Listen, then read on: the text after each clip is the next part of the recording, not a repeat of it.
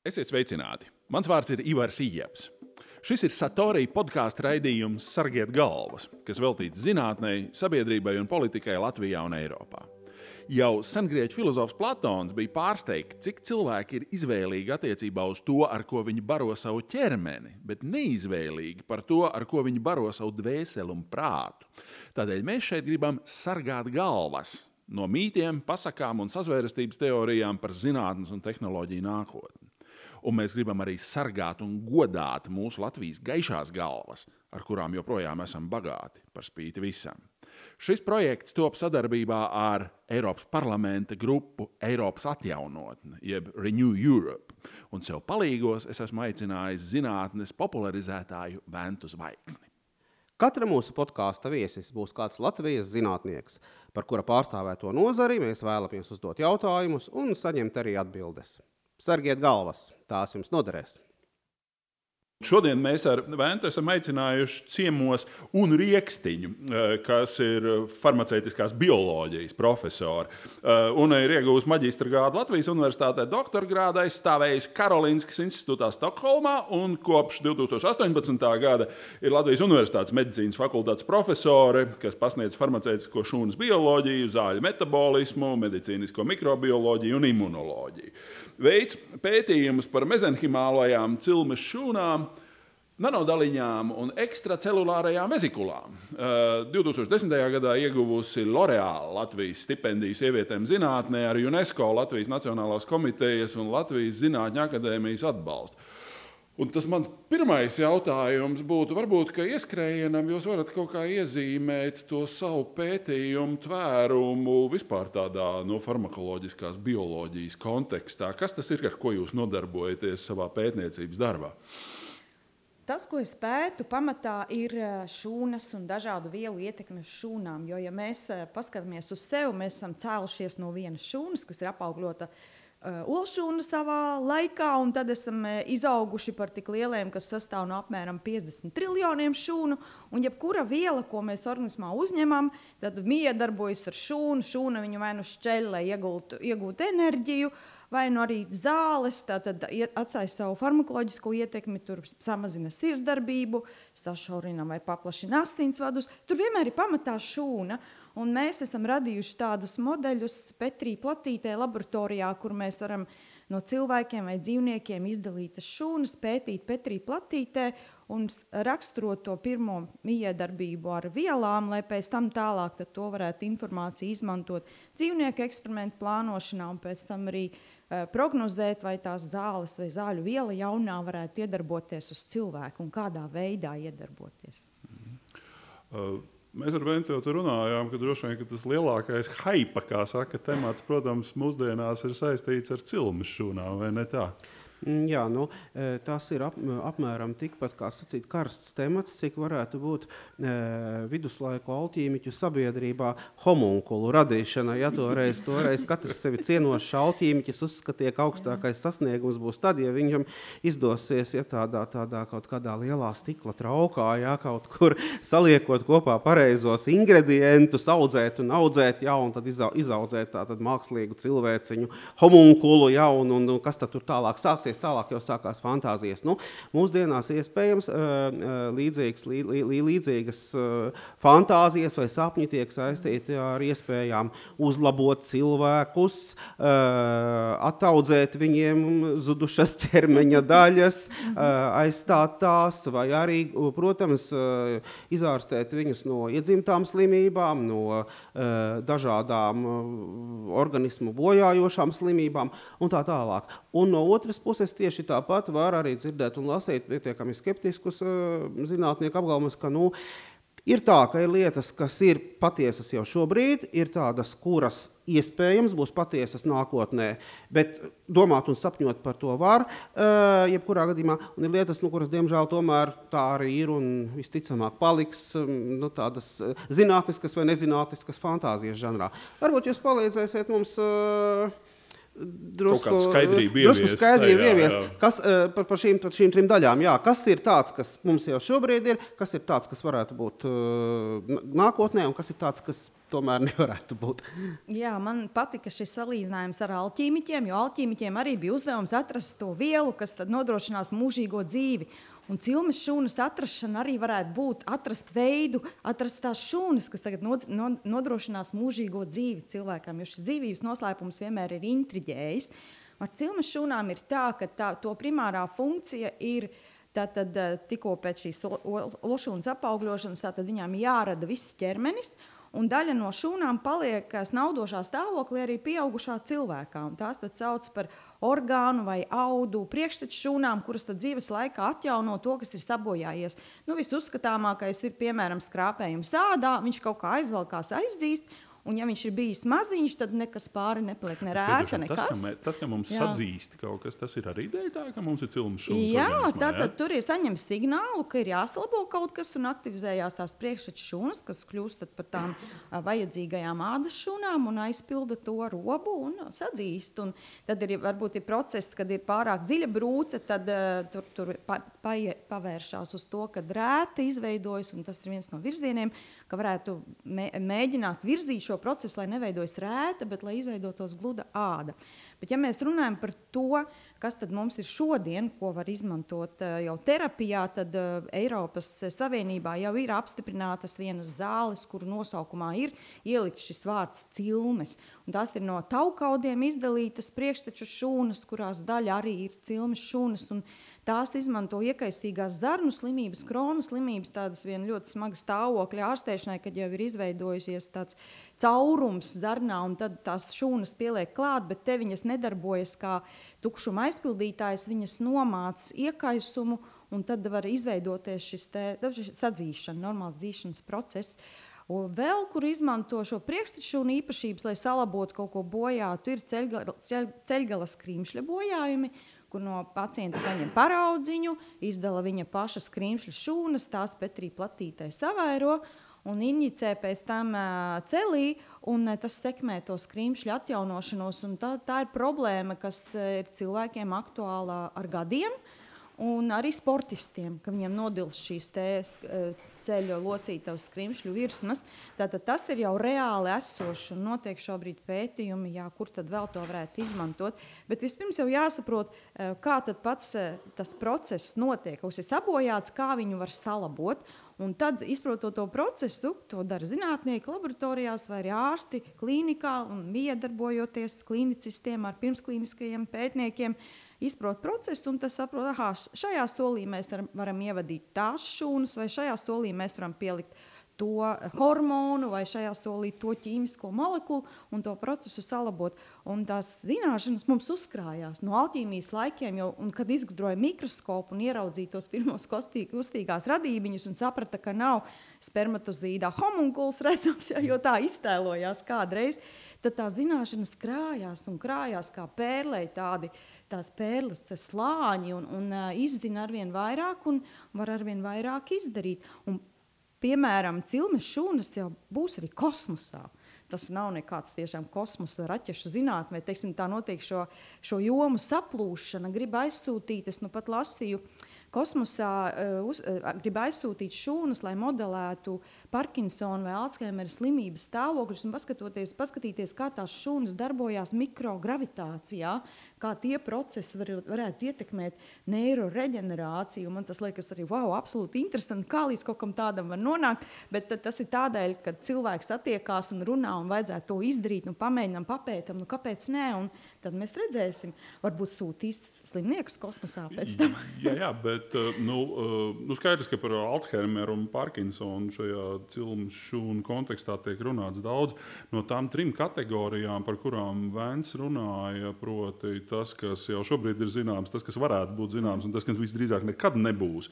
Eh, a, kur tad ir tā Alzheimer un Parkinsona ārstēšana šobrīd? Tā ir tā otrā kategorija, ka mēs tā kā varētu cerēt, ka kaut kas tur notiek. Jā, ja? jā šobrīd ir tā mehānisma izpētes stadija, kad grib saprast, kas tur notiek un kurā vietā tad varētu pielabot vai ielabot. Un, uh, tur vairāk ir tādi iekaisuma momenti, kaut kāda proteīna izgūsnēšanās. Tur tajā vietā varbūt arī tās cilmes šūnas vēl nav izdomāts, kā varētu pielietot. Tur vairāk grib strādāt ar mazajām ķīmiskajām molekulām vai bioloģiskiem proteīniem, kaut kā tā. Jā. Paklau, bet es saprotu, ka tās cilmes šūnas jau nav visas vienādas. Tas, ar ko jūs strādājat, ir šīs mezenhimālās. Tās atšķirās, laikam, cik es saprotu, no tām cilmes šūnām, kas ir cilvēkam piedzimstot nabas saitē un placentā un kaut kā tā. Ja? Jā, te atkal ir ļoti, ļoti svarīga lieta, ka visu vajag klas klasificēt un sakārtot. Un, ja pasaka cilmes šūna, tad uzreiz kāda cilmes šūna? To arī iesaka uzdot cilvēkiem, kas dodas. Ir tāds cilmes šūnu turisms pat var aizbraukt uz kādām zemēm, un tur kādā klīnikā, kā, kā saka, par uh, naudu, kas, kas sariešās asaras acīs, kaut ko izdarīt ar cilmes šūnām. E, jo es varbūt e, vēlētos vispār, e, vispār lai mēs varētu par to uh, saprast, saprast, kādas dažādas cilmes šūnas ir, vai var kaut kā īsi uh, raksturot, uh, kas vispār ir cilmes šūna. Nu, tādā nozīmē, ka mēs it kā esam uh, tik daudz uzzinājuši, ka visiem, eh, visiem cilvēkiem katram ir sava, sava DNS, katram ir sava individuāla dezoksiribonukleīnskābe. Jā, tā tad, eh, tā tad spirālē sapinusies liela, liela molekula, kur ir katrā no šiem visiem 50 triljoniem, kā jūs teicāt, mūsu ķermeņa šūnu, un kas principā padara kaut kādā ziņā visas šīs šūnas, kaut arī tās ir diezgan dažādas pēc izskata un funkcijām, viņas kaut kādā ziņā padara vienādas. Un tad varētu rasties tāds jautājums, ja reiz tā visa visa informācija ir paslēpta lūk šajā DNS, kāpēc vispār nav iespējams tas, ka ik viena šūna kļūst par kādu citu. Nu, mēs viņu ieliekam kaut kādos atbilstošā stāvoklī, un no, un no vienas no, no, no deguna šūnas iegūstam mhm. zarnu šūnu, un otrādi. Un, un kāpēc, tas tā, kāpēc tas tā nenotiek? E, kas ir tas, kas tieši šo cilmes šūnu atdala vai, vai raksturo at, atšķirībā no pārējām, kas viņai ļauj būt tādai? Kas, Jā. uh, nu, nodefinējot cilmes šūna varētu teikt tā, ka tā ir mūsu organisma šūna, kurai ir spējas diezgan neierobežoti vairoties un spējas kļūt par kādu citu šūnu. Un cilmes šūnas arī iziet tādu, nu, tādas nobriešanas stadijas.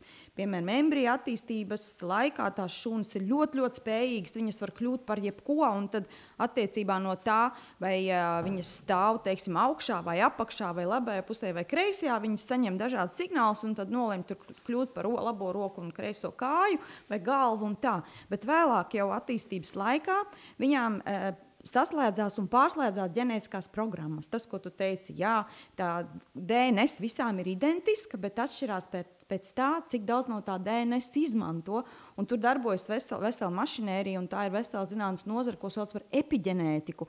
Kas nodrošina to, ka tas viens gēns būtu atvērts, lai viņu varētu nolasīt, kāda programma tur ir palaista un atkal citu gēnu aizslēdz. Tad tur ir tās programmas, kas atverās un tās, kas aizslēdzās. Un šūnai attīstoties tālāk, liela daļa programmu aizslēdzās un paliek aktīva. Tad tā tikai viena, kas nosaka, ka tā būs deguna šūna.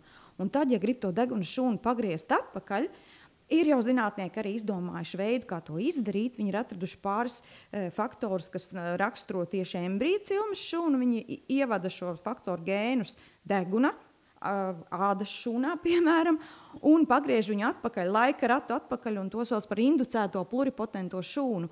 Citi saka, ka šo tehnoloģiju izdomāja tam dēļ, ka Amerikas Savienotās valstīs ar dekrētu aizliedza lietot embriju šūnas, tāda izdomāja veidu, kā radīt šīs embriju šūnas no pieaugušām šūnām, tad pagriežot šo laika ratu atpakaļ. Bet pat šīm inducētām pluripotentām šūnām viņām paliek nospiedums, viņām paliek atmiņa, ka viņa bija tā deguna šūna kaut kādā veidā. Tad viņa pilnībā nekļūst par tādu nu, embriju identisku šūnu, kas ir pilnīgi svaiga, kurai nav nekādas mm. informācijas nospiedums.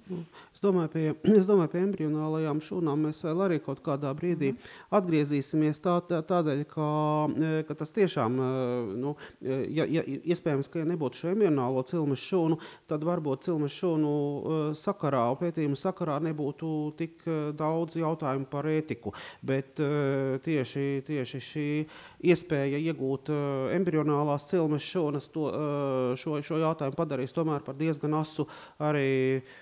ētiskā ziņā, ja, un, un tur nebūtu Protams. nav vienprātības, mm. nemaz nerunājot par uh, dažādu, teiksim, reliģisko uzskatu pārstāvjiem, bet tur nav vienprātības, cik es zinu, arī pašu zinātnieku vidū, jo, jo zinot to, ka uh, nu, īpaši cilvēki no trūcīgākām zemēm uh, mēdz uh, tirgot ja, kaut jā, ko no sava jā. ķermeņa. Uh, ja par to vien maksā pietiekami labu mm. naudu, tas, tas diemžēl ja, var, var radīt arī tiešām tādu situāciju. Tas nav lietas. tas, ar ko jūs jūs strādājat? Jūs strādājat ar tām cilmes šūnām, kuras jau ir jau, jau esošos audos, jā, nevis ar embrijiem. Tā ir jau embrijā cilmes šūnas, tas ir pavisam cits virziens. Latvijā pēc likumdošanas būtu atļauts ar to strādāt, varētu sakārtot tās ētikas atļaujas un to darīt, bet tas ir sarežģītāk. Mēs strādājam ar pieaugušo cilmes šūnām, un, un tā labā ziņa ir, ka mūsu ķermenī atrodas arī dažādās vietās pietiekams daudzums to cilmes šūnu, kas nodrošina atjaunošanu dzīves garumā, tā ka pietiek tur ko darīt. Un, un izpētīt. Un tās meziņķmālās cilmes šūnas, tās ir arī dažo, dažādos audu veidos. Viņas saucās, atrodas eh, stromā. Nu, es reizēm mēģinu saprast, kas tā stroma tāda ir. Nu, teiktu, tas, kas ietver tās, eh, piemēram, ietver uh, muskuļu šūnas vai ietver skrimšļu šūnas, tur apkārt vēl kādi saistāudi vai kas, kurās tad atrodas tās mazāk diferencētās šūnas. Un tad pie zināmiem apstākļiem, vai tā ir trauma vai tas ir kaut kāds signāls, viņas saprot, ka tagad ir jāģenerē un jāatjauno tie audi. Tas notiek dabiski organismā. Un tad ir jautājums, citam uzdot, kāpēc mēs visu laiku dabiski neatjaunojamies? Kāpēc, tad, piemēram, sāp ceļgals, kāpēc tā cilmes šūna nesaprot, ka viņai tur jāsalabo? Nu, atkal eh, runa ir par to, ka tas resurss uz vietas ir pa maz.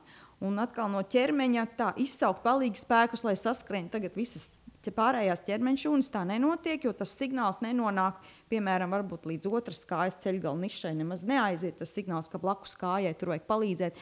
Un tāpēc ir šī terapeitiskā šūnu pievadīšana klāt, kas ir pavairotas eh, noteiktos apstākļos, un tad viņas eh, iedod mm -hmm. tur, kur vajag. Tas ir kaut kas tāds, kas jau tagad notiek. Jā, jā tas notiek Aha. ar to ceļgala skrimšļu labošanu, un tas notiek arī pie šīs zarnu iekaisīgās slimības, kad tad, kad neatbild uz jau visām citām terapijām, ka nekas vairs nepalīdz, tad vēl ir iespēja šo te šūnu terapiju izmantot. Un par tiem šūnu veidiem tiešām ir dažādi. Mēs eh, paņemtu katru orgānu, tur būtu savas eh, cilmes šūnas. Jā.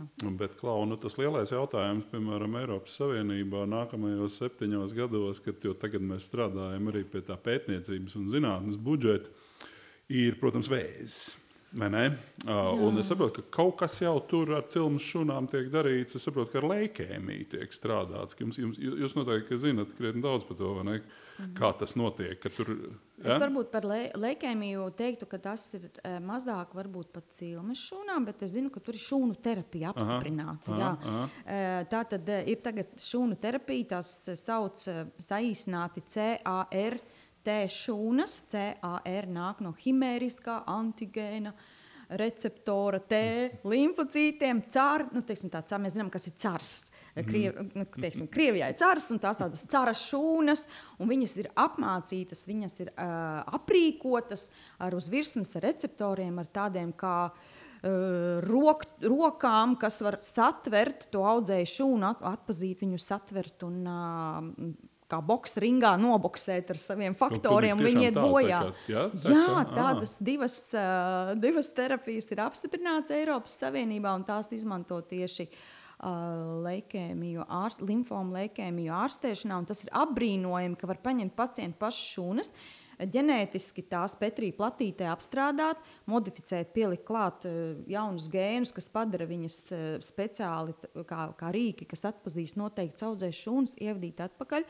Un ārsti saka, ka var izārstēt to slimību, un slimnieks netic, ka viņam pasaka, tas ir šoks. Viņam pasaka, ka tas ir vesels, un viņš apraudās no tā psiholoģiskā mhm. šoka. Man liekas, tas, tas ir īstais brīnums stāsts par šo terapiju. Un tagad, protams, viss. Uh, Cilmes šūnu un uh, imūns šūnu lauks ir uztvērs, ka šis varbūt tas virziens ir tā, tā zelta dzīsla, kur vajag rakt, un tagad attīstās ļoti daudz uh, produktu tieši šajā virzienā. Mm, bet uh, ir iespējams arī cilvēkiem pieteikties klīniskajos pētījumos, pat ja tās zāles šobrīd nav pieejamas.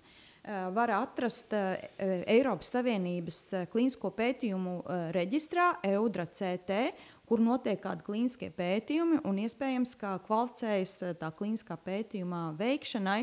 Un, tas arī ir veids, kā iespējams piedalīties to jauno līdzekļu. Latvijā ārsti to dara. Tā kā, nu, piemēram, onkoloģijā nu, piemēram, iesaka, iesaka pacientiem pamēģināt jā, vismaz tādu kaut ko. Ja? Man tieši informācijas nav, bet es pieļauju, ka jā, jo tur vajag arī pretī entuziastisku ārstu, kurš grib Aha. atrast un pamēģināt ko jaunu un izdarīt ko jaunu. Un Latvijā strādā ar šūnām ārsti. Ja bija nesen pat aprakstīts žurnālā, ir intervija ar uh, doktoru Gončaru, kurš ir veicis uh, mezigma, nu, no kaula smadzenēm iegūtu cilmes šūnu ievadīšanu gūžā, lai mazinātu tos uh, simptomus, uh, sāpes vai precīzi neaprakstīšu, bet tas, tāds pētījums notiek, tur ir pamatā vienmēr kāds cilvēks, kuru tas interesē, kurš grib to izdarīt. Tā kā viduslaikos bija tie, kas pētīja un ņēmās pie homunkuliem, ja, tad, tad tagad arī padzird, o, kāds ir to izdarījis, es arī gribu pamēģināt. Un zinātniekiem jau arī tāpat viņi izdzird, o, kāds ir to atklājis. Un, mm, man vispār arī interesē, kā tas darbojās. Es arī pamēģināšu. Mēs palasām pētījumu rakstus, kā tas ir izdarīts, un, un sākam taisīt augšā paši savā laboratorijā. Un, e, tā mēs, piemēram, pētām šīs mezikmālās cilmes šūnas un skatāmies, kā viņas var pārvērst laboratorijā par e, tauku šūnām, hondro, e, skrimšļu šūnām un kaulu šūnām. Un tagad mums būs viens pētījums sadarbībā ar Rīgas Tehnisko universitāti. Viņi izgudro biomateriālu, mm -hmm. kas var būt nākotnē kā implants un mēs esam klāt ar šūnām, liksim virsū un skatīsimies, kā viņi sadzīvo. Vai, piemēram, tas izgudrotais biomateriāls būs draudzīgs šūnām vai nē. Respektīvi, ar šo cilmu šūnu palīdzību varētu kaut kā uzlabot to veidu, kā organisms pieņem vai nepieņem visādus implantus. Arī ne kaut kā šitā. Jā, jā uzlabot, Aha. un arī pirms vēl to virza tālāk kādiem nopietniem jau uz ražošanu tad pārbaudīt, vai viņš ir saderīgs. Un otrā lieta, jā, arī apstrādāt to virsmu tādā veidā, ka organismam ir vieglāk pieņemt, ja tur jau ir kāds slānītis klāt. Tas ir ļoti perspektīvs virziens.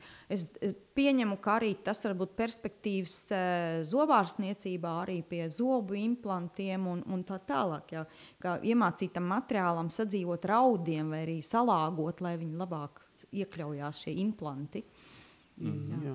Es uh, sapratu piemēram, tā, par tām uh, terapijas metodēm, ko jūs uh, aprakstījāt. Uh, tur uh, liela, liela daļa ir tāda, kur šūnas ņem no paša cilvēka, vai ne? Un, attiecīgi, cil, cilmes šūnas iegūst to pašu cilvēku, un tad viņam arī ievada. Bet es saprotu, ka tās tajās zālēs savukārt, kas ir nu, apstiprinātas zāles, visticamāk, tās ir atkal cilmes šūnas, kas ir iegūtas, iegūtas no kāda cita Dažādi. Ir, ir dažādi, dažādi jā. Un, jā. Un kā, kā, kā tas ir? Piemēram, tas, ka cilvēks pieņem ja pats, pats savas šūnas un tās viņam salabo kaut ko tādu, to diezgan viegli saprast. Skaidrs, tātad mm. mēs atrodam, tur ne, nepienāk tas signāls, mēs atrodam vietu, kur mums ir tās labās salabotāju šūnas, ievadām, jā, un tur tiek saremontēts.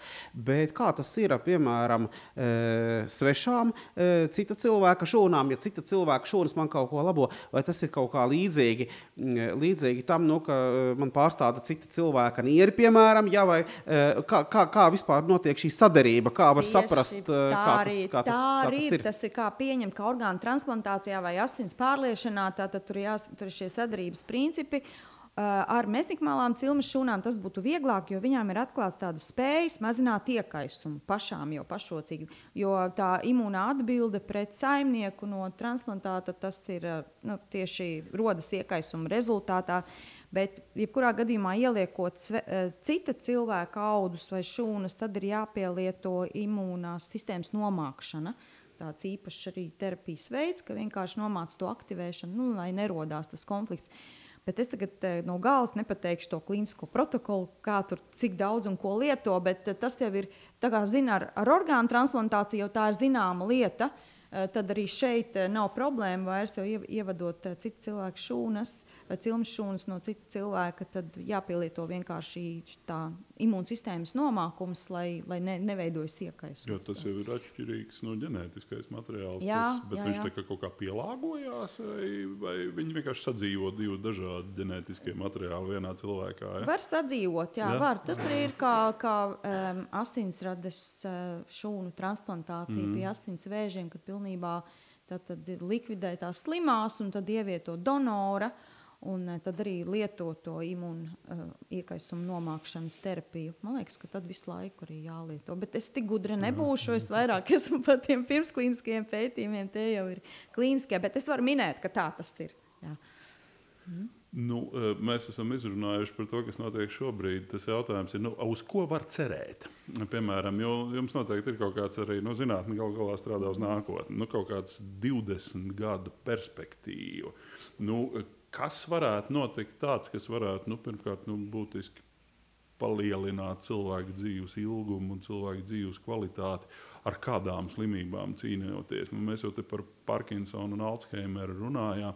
Nu, ir vēl kaut kas tāds, kas jums šķiet šobrīd, ņemot vērā jūsu pieredzi un zināšanas, realistisks daudz maz. Um, um, audzēji jau arī šeit izskanēja, protams, ar tiem grib tikt galā. Un, um, Eiropas Savienībā šobrīd ļoti liels uzsvars ir uz retajām slimībām. Jā, ir daudz jā. dažādas retās slimības. Un tās varētu būt apmēram tāda kategorija, kas slimo viens no 7000.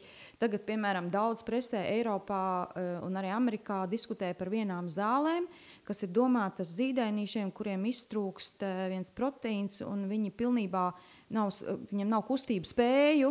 Un tad ir izgudrots tāds vīrusu tipa zāles, kuras ievadot, viņi atgūst spēju uh, sintēzēt to proteīnu, līdz ar to kustības. Uh, Un e, šobrīd ļoti aktuāls virziens ir tieši tāds vīrusu veida zāles, bet e, vēl viens aktuāls ir kategorija, tāda mm, grupa par produktiem, ko sauc par CRISPR-Cas9 tehnoloģiju. CRISPR, nu, kā lai izskaidro, kaut kas kraukšķīgs. Jā, bet, nu, nu, pat šis, nu, jā, pat, nu, pat šis ir... vārds parādījās, jā, jā, ko to es tad, tad pieminēšu. Jā, jā. jā, un tas ir atkal kā labot uh, DNS tieši, izlabot tos bojājumus DNS.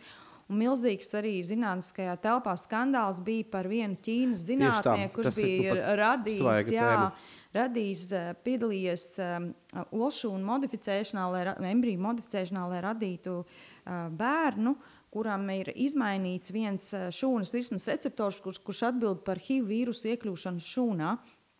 Un zinātniskā komūna to pētījumu uzņēma ļoti asi.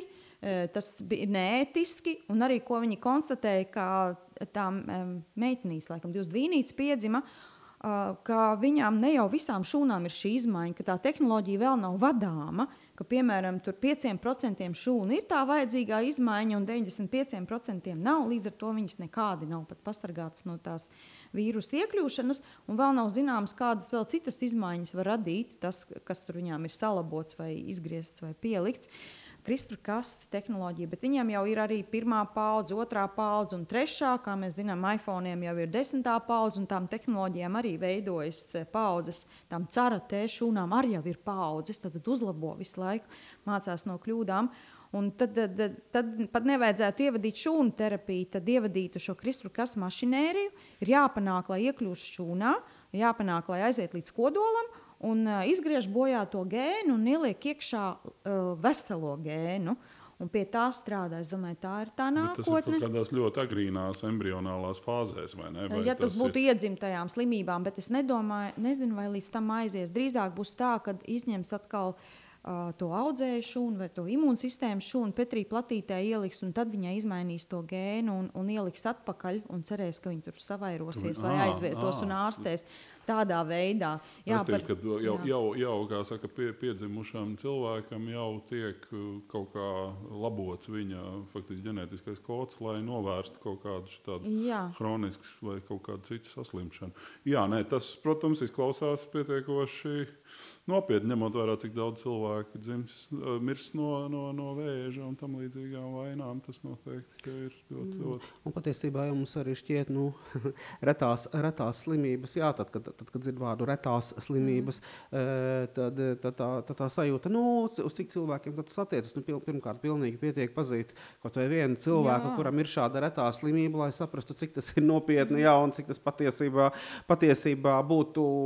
Nu, jā, jo pārējiem, visiem. kad ir slimība ir zināms, ka tur ir noteikts jau ārstēšanas protokols, noteikti zāļu grupa aizies un lietos, un tad skatīsies veiksmīgāk vai mazāk veiksmīgi ārstēs. Bet, ja ir slimība, pret kuru nav nekādu zāļu, un tie ir arī mūsu sabiedrības locekļi, un mēs tāpat rūpējamies arī par viņu veselību. Nē, nē, nu, tas saprotams. Ir, jā. Saka, katram, katram savs grēklis tuvāks, un šajā mm. gadījumā Eiropas Savienības, starp citu, pie tā strādā tieši tādā nozīmē, ka tas, kas mums Latvijā ir ļoti reti, kvantitatīvi. Eiropā, protams, nav reti. Un, tam, ja tu gribi kaut ko pētīt vai kaut ko ārstēt, tad tev to ir labāk darīt tomēr visu 500 miljonu līmenī Eiropas Savienībā un nevis vienā atsevišķi ņemtā valstī.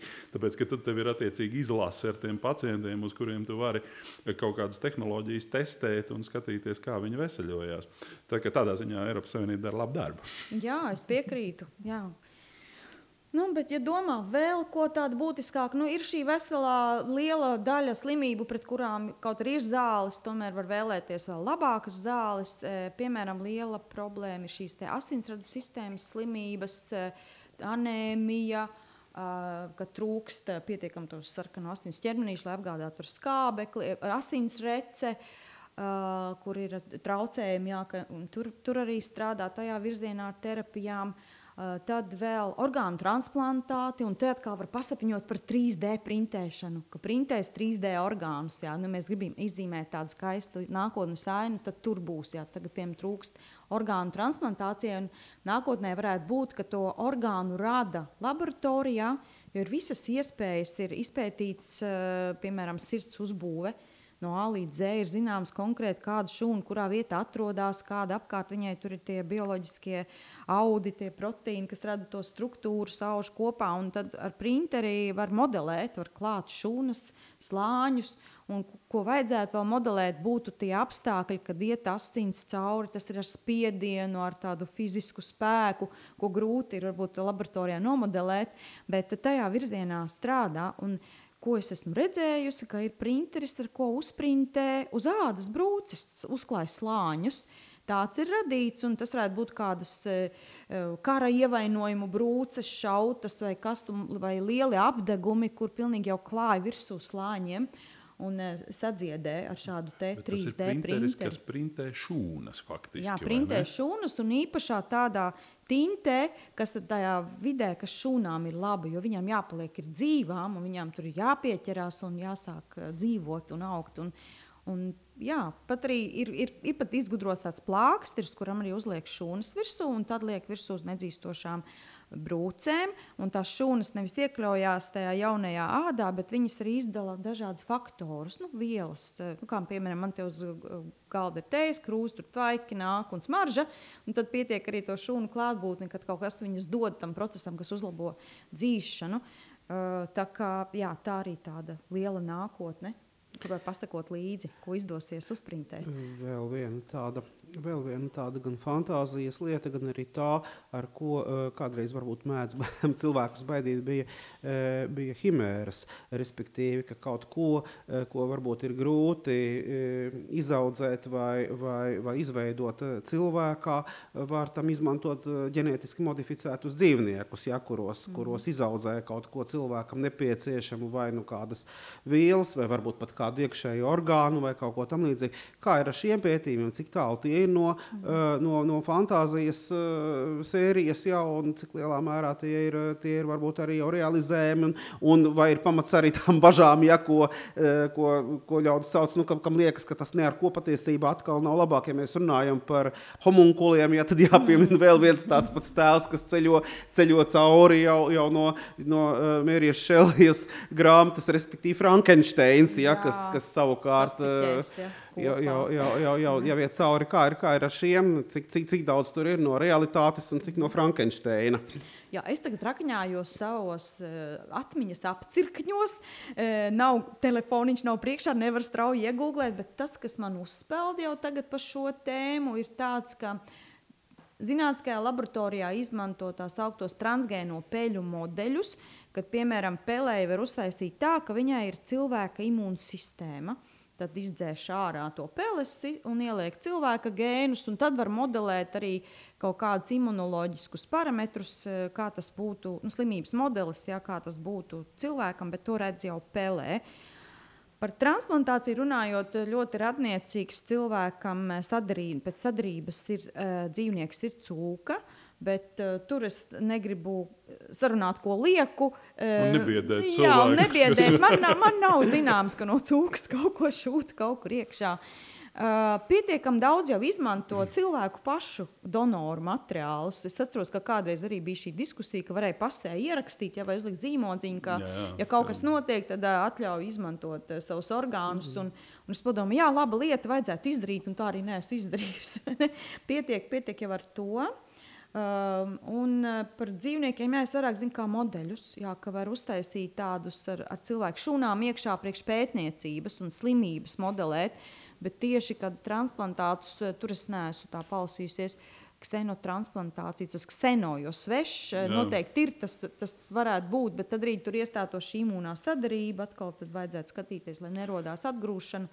Bet uh, tieši tā nevaru nosaukt, kur liktu klāt. Tā kā ne, ne, nevar, nav ar ko biedēt. Ne, man Tajā, liekas, to nav jāuztrauc. pētat, ir arī minētas nanodaļiņas. Tas varbūt nu, Latvijā daudziem izklausās aizdomīgi, tāpēc, ka mums tur bija Rīgas nanoūdens un tā tālāk.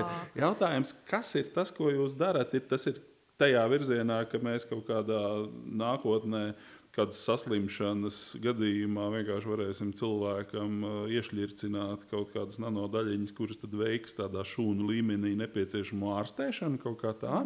Tas ir interesanti. Jā, mana pirmā arī informācija, ko es lasīju no plašsaziņas līdzekļiem par šiem nanorobotiem, nanodaļņām, kaut kādi mazi tādi vēzīšiem līdzīgi tur ložņās kaut kur pa ķermeni un kaut ko darīs. Nu, tas, ko es zinu no laboratorijas, tas nemaz tā nav.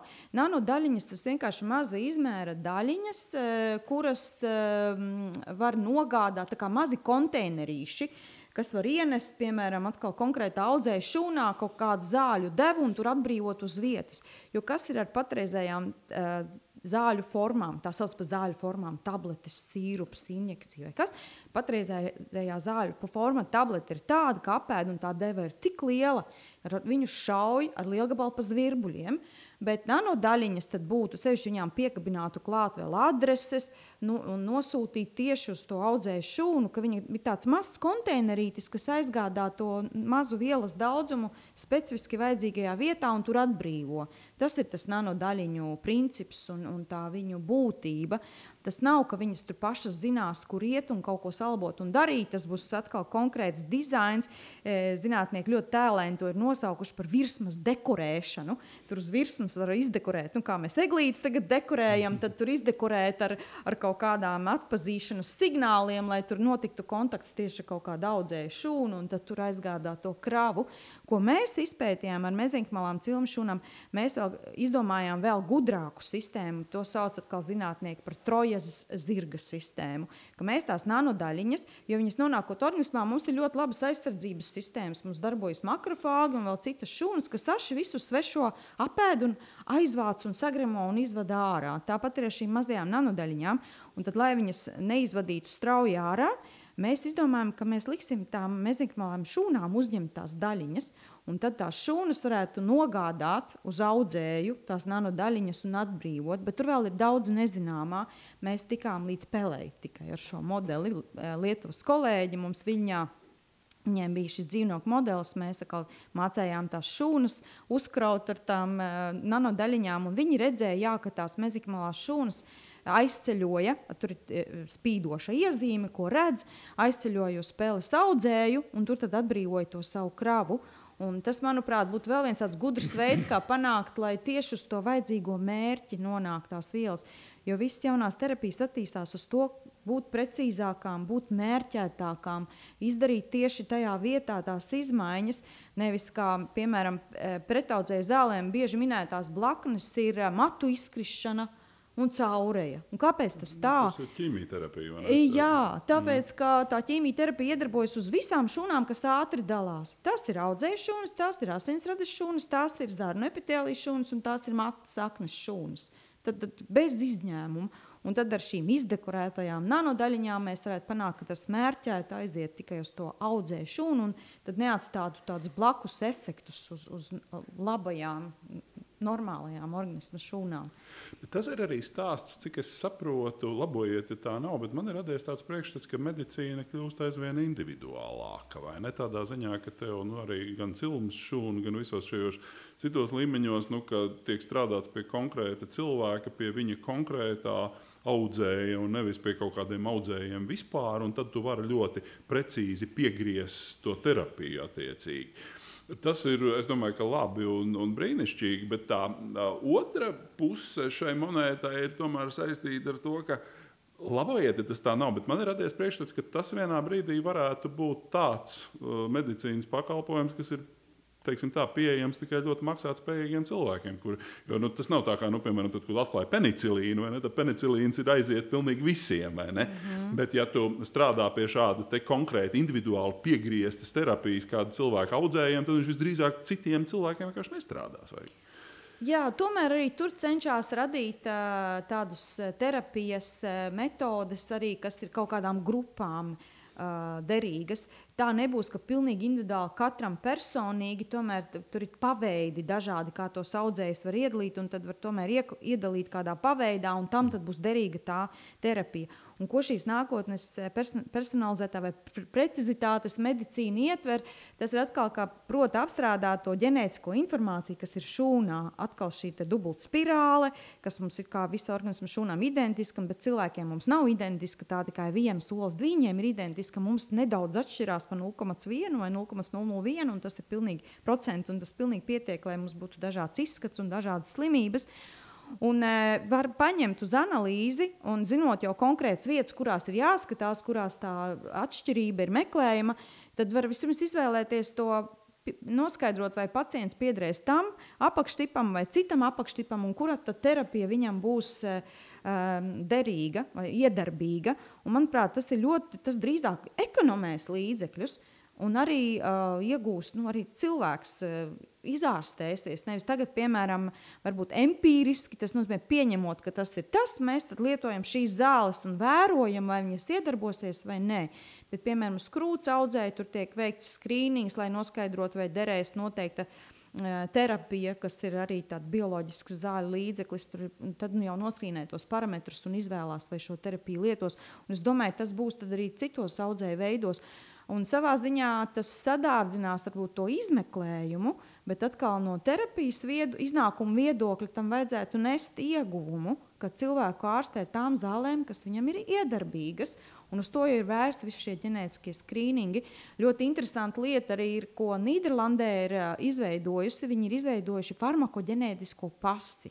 Ko tas nozīmē? Farmakoģenētika ir tāda nozare, kas pēta gēnus, kas ir iesaistīti uh, uh, zāļu iedarbīgumā.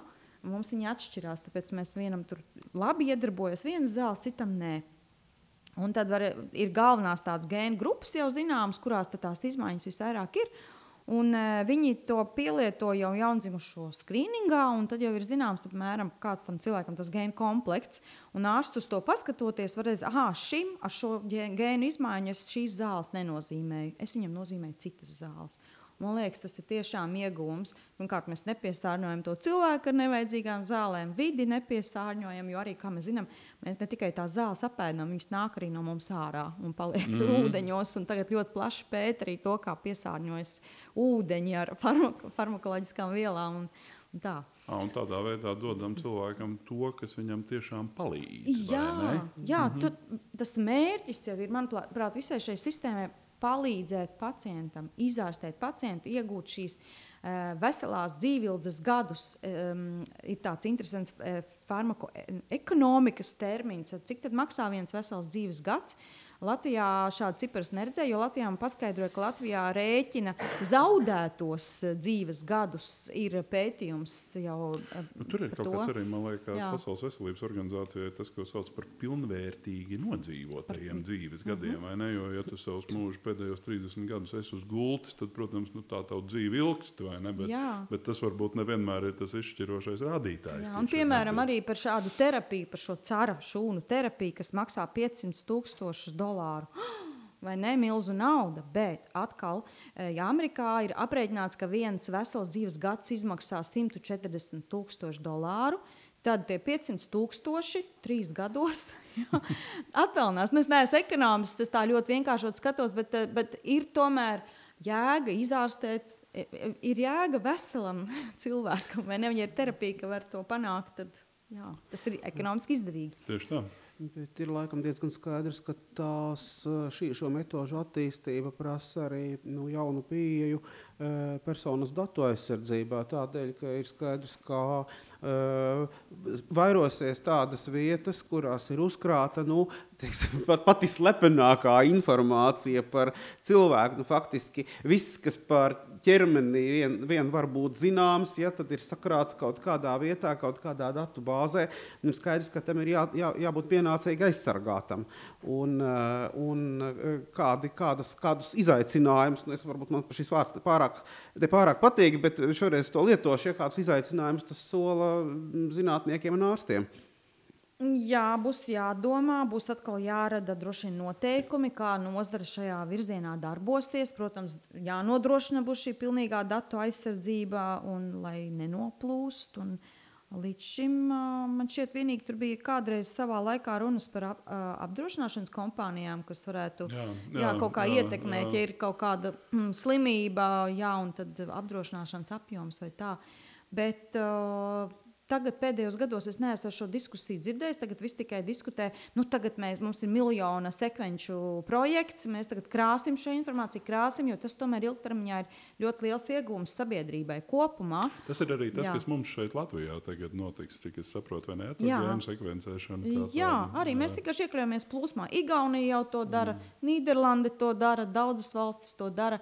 Un, uh, tagad mēs esam iegājuši tajā ērā, jā, ka mēs uzkrāsim šo informāciju, un tad no tās datu apstrādes uh, nolasīs, jā, tad, uh, kur, kur to var izmantot, lai uzlabotu bet, aprūpi vai terapiju. Vai, paklauju, vai jums pašai jūsu pašreizējā pētniecības darbā tur kaut kāda visu šie datu aizsardzības noteikumi netraucē? Tur nav kaut kāda tāda, ka jūs, nu, piemēram, ir kaut kādi cilvēki, kas ir mm. uh, slimojuši ar kaut kādu relevantu slimību, jūs vienkārši netiekat klāt viņa ģenētiskajai informācijai, tāpēc ka tur ir priekšā atslēga.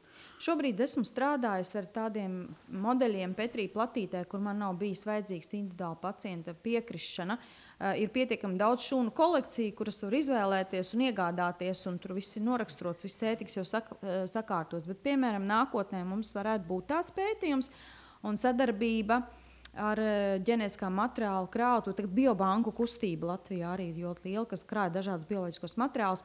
Un viņi arī pie tā strādā un būs šo biobanku likums. Es domāju, tur tas arī tiks norunāts. Un, protams, nododot savu materiālu, pacients eh, vai uh, cilvēks parakstīs jau šo piekrišanu.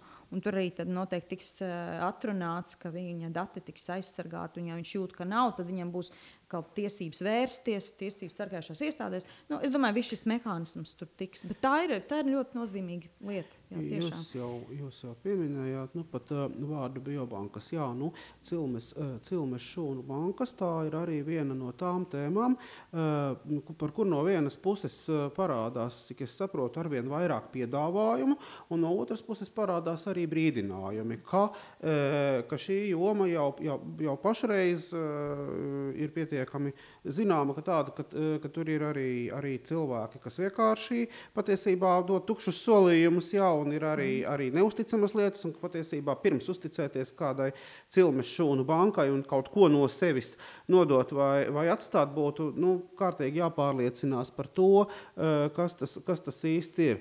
Jo ir jau skaidrs, ka, protams, pasaulē ir arī piemēram no entuziasti, kuri, eh, kuri krāj naudu un gatavojas pēc tam tajā brīdī, kad tuvojas viņa pēdējā stundiņa, eh, iesaldēt savu mm, jā, ķermeni, ja tāda krionika tā laikam sauca to. Mm -hmm. to saprot, saprotama lieta, jo teiksim, viņi, nu, nu, tas laikam bija šķidrajā slāpeklī vai kaut kādā tādā ļoti zemas mm -hmm. temperatūras vielā. Viņi ievieto sevi un ar, to domu, ka pienāks brīdis nākotnē, kad, kad būs iespējams viņu ķermeni atdzīvināt vai viņu prātu no tā ķermeņa paņemt. Uh, bet, un pārvietot, piemēram, kaut kur citur, kādā citā datu nesējā.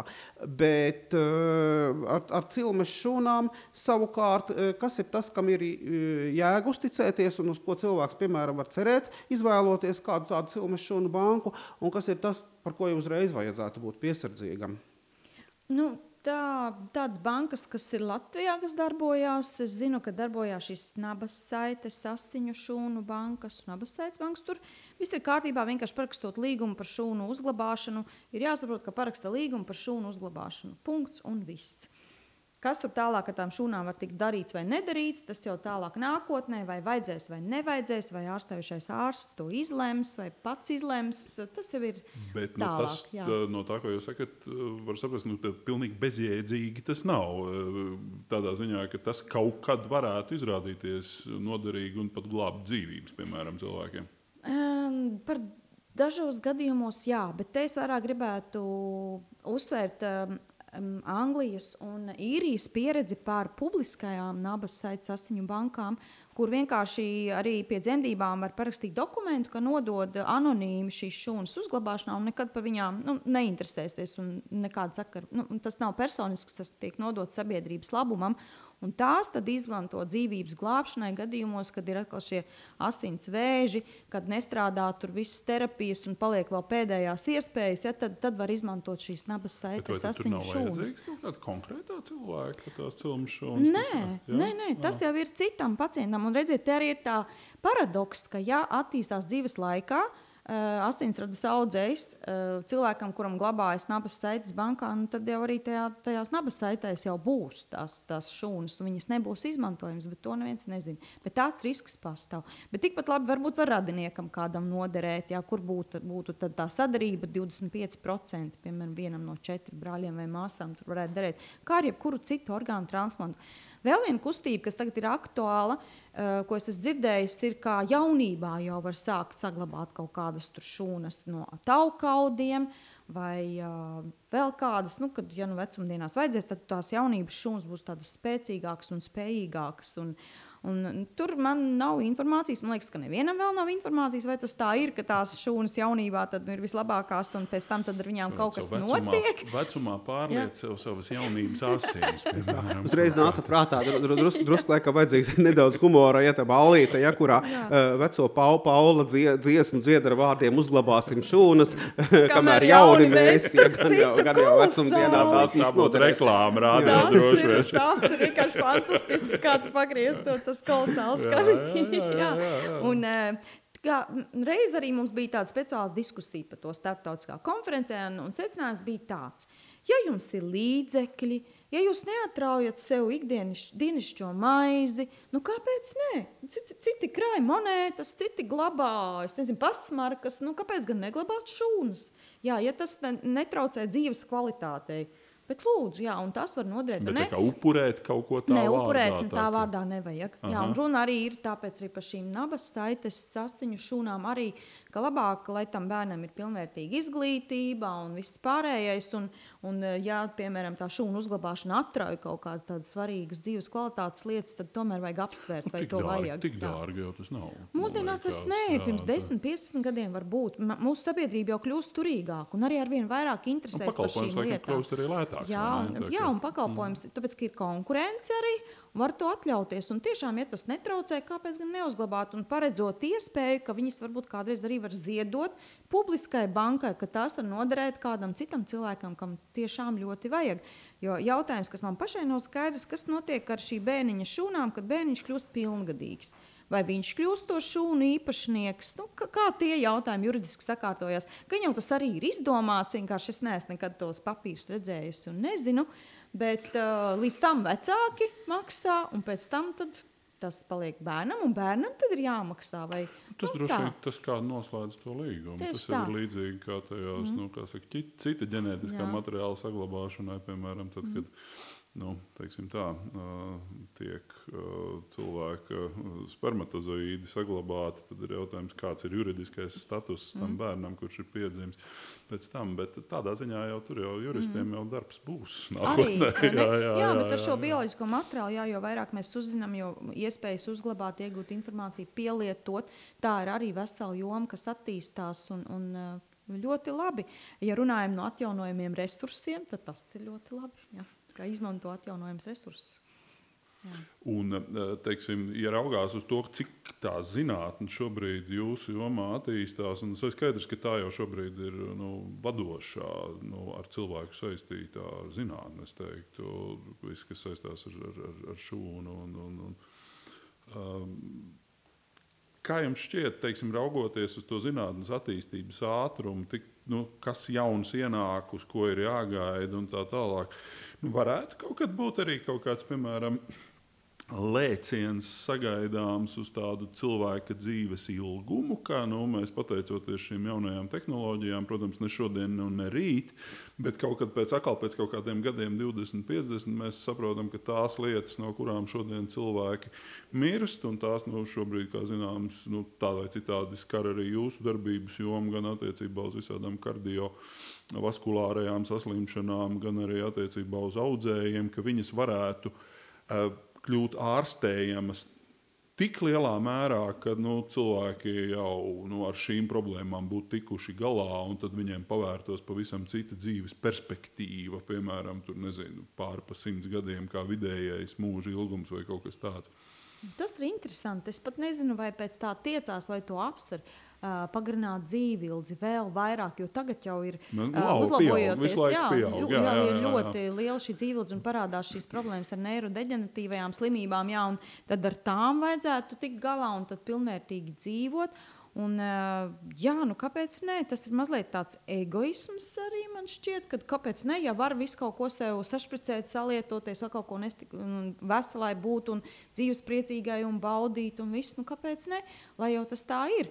Bet uh, vai tas ir tāds pašmērķis? Man liekas, nē, mērķis ir drīzāk mazināt tās ciešanas, novērst tās slimības, un tad nāk uh, līdzi tam šī pagarinātā dzīvildze. Un ko Aha. ar to darīs, man liekas, neviens vēl pagarināta tā- dzīve ilgi nav pašmērķis. Nē, jā? tas nav Ā. pašmērķis. Tā, tā mērķis ir, ir tā. Mhm. kvalitāte, nu, mazināt slimības un mazināt, mazināt ciešanas. Un Tas, man liekas, ir tas mērķis. Jā, un, un pēc tam vēl parādīsies ekonomisti, kuri aprēķinās, kā tajā brīdī, kad vidējais sabiedrības ilgums, eh, dzīves ilgums, tīvilce, tātad eh, palielinās, teiksim, pāri par 80 gadiem, ja, vai, vai, vai, vai mhm. sasniedz 90 gadu robežu, tad izrādās, nu, ka, piemēram, šāda sabiedrība spēja normāli sevi uzturēt tikai tad, ja pensijas vecums, respektīvi darba spējas ir, Jā. ir tikai eh, nu, līdz tie pašiem 80 vai, piemēram, 70 35 gadu vecuma, ka, piemēram, nu, tāda sabiedrība, ja, kurai, e, kurai, kurai, kurai e, aktīvais darba posms tomēr vienai daļai beidzas ātrāk,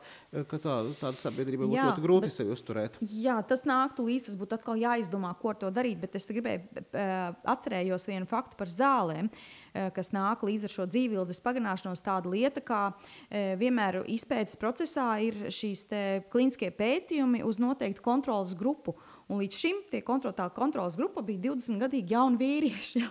Un tagad ir parādījusies problēma, ka nezinu vairs, kā tās zāles darbojas 80 gadīgos vīriešos un sievietēs. Un tagad bez mazai ir ra- jārada atkal šādi pētījumi, kur jāiekļauj arī geriatriskie pacienti, jeb tātad pacienti gados, lai saprastu arī, kā uz viņiem iedarbosies tās zāles. Tas arī vēl tāds interesants moments, kas nāk līdzi pieaugušai šai, šai dzīvildei, ka ir jāsaprot, kā, kā tajā grupā darbosies zāles. Jo tur mazinās dažādas organismu funkcijas, tur mazinās uh, nieru darbība un aknu darbība tur krītās gandrīz vai pa 50%, un viss tur krītās. Tad, uh, kā tad viņi izvadīs tās zāles un kā viņas neutralizēsies un kā tās zāles miedarbosies. Polifarmācija vēl ir tāda lieta, ka, par ko cilvēks satraucās, kā lieto sauju zāļu. Un, uh, kā tās zāles tur iekšā mūsu bioķīmiskajā mašinērijā sadzīvo un sadarbojās, un kādu efektu viņas beigās rada, tā, tas ir arī liels jautājums. Ja. To arī risina. Tas ir tieši arī šajā populācijā, kas ir ga gados vecāki cilvēki. Bet nu, tādu de facto nemirstību, par kādu runā atsevišķi futurologi, laikam nu, nebūtu īpaši realistiski gaidīt. Nu, tādā ziņā, ka mēs ar visdažādākajām medicīnas tehnoloģijām, tā skaitā ģenētiskām, pēkšņi varētu sasniegt kaut kādu tādu attīstības fāzi, kad principā jau nu, viss kļūst ārstējams, visas minētās problēmas ar visādām orgānu funkcijām tiek novērstas, un tad nu, teiksim, tā cilvēka aiziešana no šīs pasaules kļūst jau par viņa izvēles jautājumu, ka viņš patiesībā var sevi turēt šīs zemes virsū neierobežot ilgi. Tas, laikam, ir joprojām kaut kas nu, absolūti nereāls. Jā, jūs ne? to pateicāt skaļi, bet es tā vienā brīdī iedomājos, jā, un tad kurš tad nolems, ka to pogu nospiest, ka tagad es uh, gribu beigt šo, šī, šīs gaitas vai ne?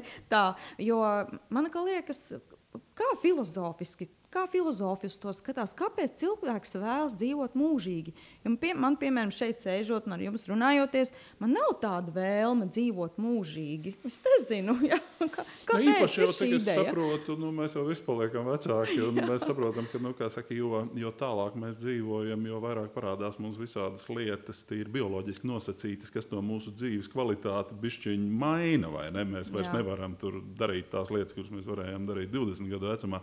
No tādā ziņā nu, tā jautājums par mūžī, mūžīgo dzīvošanu, tas man liekas, tur droši vien, ka Ventam ir arī kaut kas piebilstams, tāpēc ka tā ir tā joma, kur nu, mūžīga dzīvošana jau ir teoloģiski raugoties, ir dzīvošana vispār ārpus laika. Šī ir vienkārši neierobežota gara dzīvošana, kas nav tāpat mūžība. Jā, man vienmēr tādā gadījumā ir prātā tāda viena, viena epizode uh, no uh, Jonatana Swifta Gullivera ceļojumiem. Tajā vienā viņa Uh, vienā nu, tā, pilnā grāmata ir tāda bērniem iznākusi, kur ir saīsināts tas variants, bet teiks, tā pilnajā grāmatā ir tā viena vieta, jā, kur non, viņš nonāk tādā zemē, šis Gulivers, kurā, kurā ir šie nemirstīgie cilvēki. Nu, viņi vienkārši, vienkārši nemirst. Nu, un, uh, tad viņš uh, konstatē, ka te, tas ir visšausmīgākais sots, kāds cilvēkam varētu būt. Ja tāpēc, tāpēc, ka viņus, protams, skar vismaz tā, pēc, tā, pēc tās domāšanas, viņus skar tātad visas šīs vecuma likstas, un viņš patiesībā beigās ir zaudējis zaudējis prātu, bet viņš nu, nemirst ne pa kam. Ja, viņš līdz ar to nu, sēž kā tāds dārzenis, ja, absolūti skatīdamies vienā punktā, ja, un, un uh, ir visnelaimīgākais cilvēks pasaulē, tāds nemirstīgais. Nu, no tā uh, es ceru, ka nākotnes zinātne mums palīdzēs palīdzēs izsargāties, lai vai kāda, kāds būtu mūsu dzīves ilgums un uh, lai kā mēs dzīves uz kvalitāti, dzīves kvalitāte, ja, jā. ka vismaz no, no tik skumja uh, skumjas perspektīvas, kādu aprakstīja Swifts, iz, cilvēce izdosies izvairīties. Jā, jā. Nīčam šķiet bija tas teiciens, ka ir jāmirst īstajā laikā. Jā, ne? jā ne par agru, bet arī ne par vēlu. Jā, ne? Katram ir savs laiks. Man šī brīdī arī gribas ticēt, ka kāds kaut kur zina, kad ir mans laiks. Ja? Un, un es paļaušos, ka tā tas arī būs, jo tiešām eksistēt vienkārši eksistēšanas dēļ. Uh, nav, nav, nebūtu jēga. Un arī bioloģiskās sistēmas nav mūžīgas. Pašā saknē nav mūžīgas. Man liekas, tas ir jāsaprot. Jā. Pirms mēs pabeidzam, es gribēju jums pavaicāt vēl vienu lietu. Jūsu pētnieciskās darbības, tas ir institucionālais un uh, pamats uh, un, uh, kā saka, arī ieguldījumi šajā pētniecībā. Uh, Tas ir Latvija, tas ir kaut kādi starptautiski finansējuma un projektu avoti. Kas, kas ir tas, kas nu, saka, ļauj jums nodarboties ar šo fascinējošo lietu? Jā, avoti ir dažādi. Meklējam viņus intensīvi. Pirmkārt, ir vietējais universitātes atbalsts caur bāzes un snieguma projektu. Uh, Tad mēs aktīvi rakstām projektu pieteikumus. Arī mani eh, studenti, doktoranti raksta pie, pieteikumus dažādiem mecenātu fondiem. Tas ir caur LU fondu. Eh, var saņemt, tad mēs rakstām Latvijas Dāņu padomus grantus, tad mēs rakstām ERAF, šos Eiropas jā, reģionālās jā, jā, attīstības jā, jā, grantus, piedalāmies. Tad mēs starptautiski, man ir bijis maziņi divi Ukrainas, Latvijas sadarbība un Latvijas, Lietuvas, Taivānas sadarbība. Protams, visi tagad runā, ka jāiekļaujās ir apvārsnīt 2020, bet uh, tur atkal uh, spēciņi varbūt var, varētu būt pa vājiem. Ir jāatrod, vai nu ir ļoti tāda niša, jāatrod tādu, ko tikai es protu, augstu kvalificētu, neviens cits, lai gribētu ar mani sadarboties. Jo man mazliet ir radusies tāda sajūta, ka, lai paņemtu kādu no mums konsorcijā, nu, mums jābūt super, super izciliem, nu, visizcilākajiem. Un, uh, uh, lai piedalītos kādā uh, lielā uh, Eiropas uh, konsorcijā un šo izcilību sasniegt, uh, Pie tā ir grūti sūri jāstrādā, un es esmu ceļā uz to. Nē, nē, nu, atliek tikai cerēt, ka tas nākamais uh, Eiropas apvārsnis, kas tagad sauksies apvārsnis Eiropā, kurš ļoti lielu uzmanību velta kā reiz ne tikai vienkārši veselībai, bet tieši audzējiem. Uh, un tās misijas, es gribētu cerēt, ka kaut kas no tā nonāks arī līdz Latvijai, tā skaitā arī uh, līdz Latvijas universitātei. Bet ar to arī mēs sakām paldies jums, Una, par iespēju pievienoties mums šajā interesantajā sarunā. Es patiešām abrīnoju jūsu kompetenci un to, cik lielā mērā tas viss ko jūs pētat, ir saistīts patiesībā ar katru no mums, kā vienkārši fizisku personu. Jo mēs tomēr esam vismaz pa daļai primāri ķermeņi, ar šūnām, ar ģenētiskiem kodiem, ar orgāniem, kas strādā tā vai šitādi, un tas mums ir vitāli svarīgi. Tā kā paldies jums! Paldies liels, jā. jums! Man arī bija ļoti interesanti tieši ar jums diskutēt. Man, man trūks diskusija, man ir vēlme jā, dalīties, un, un šī bija liels iespēja. Paldies!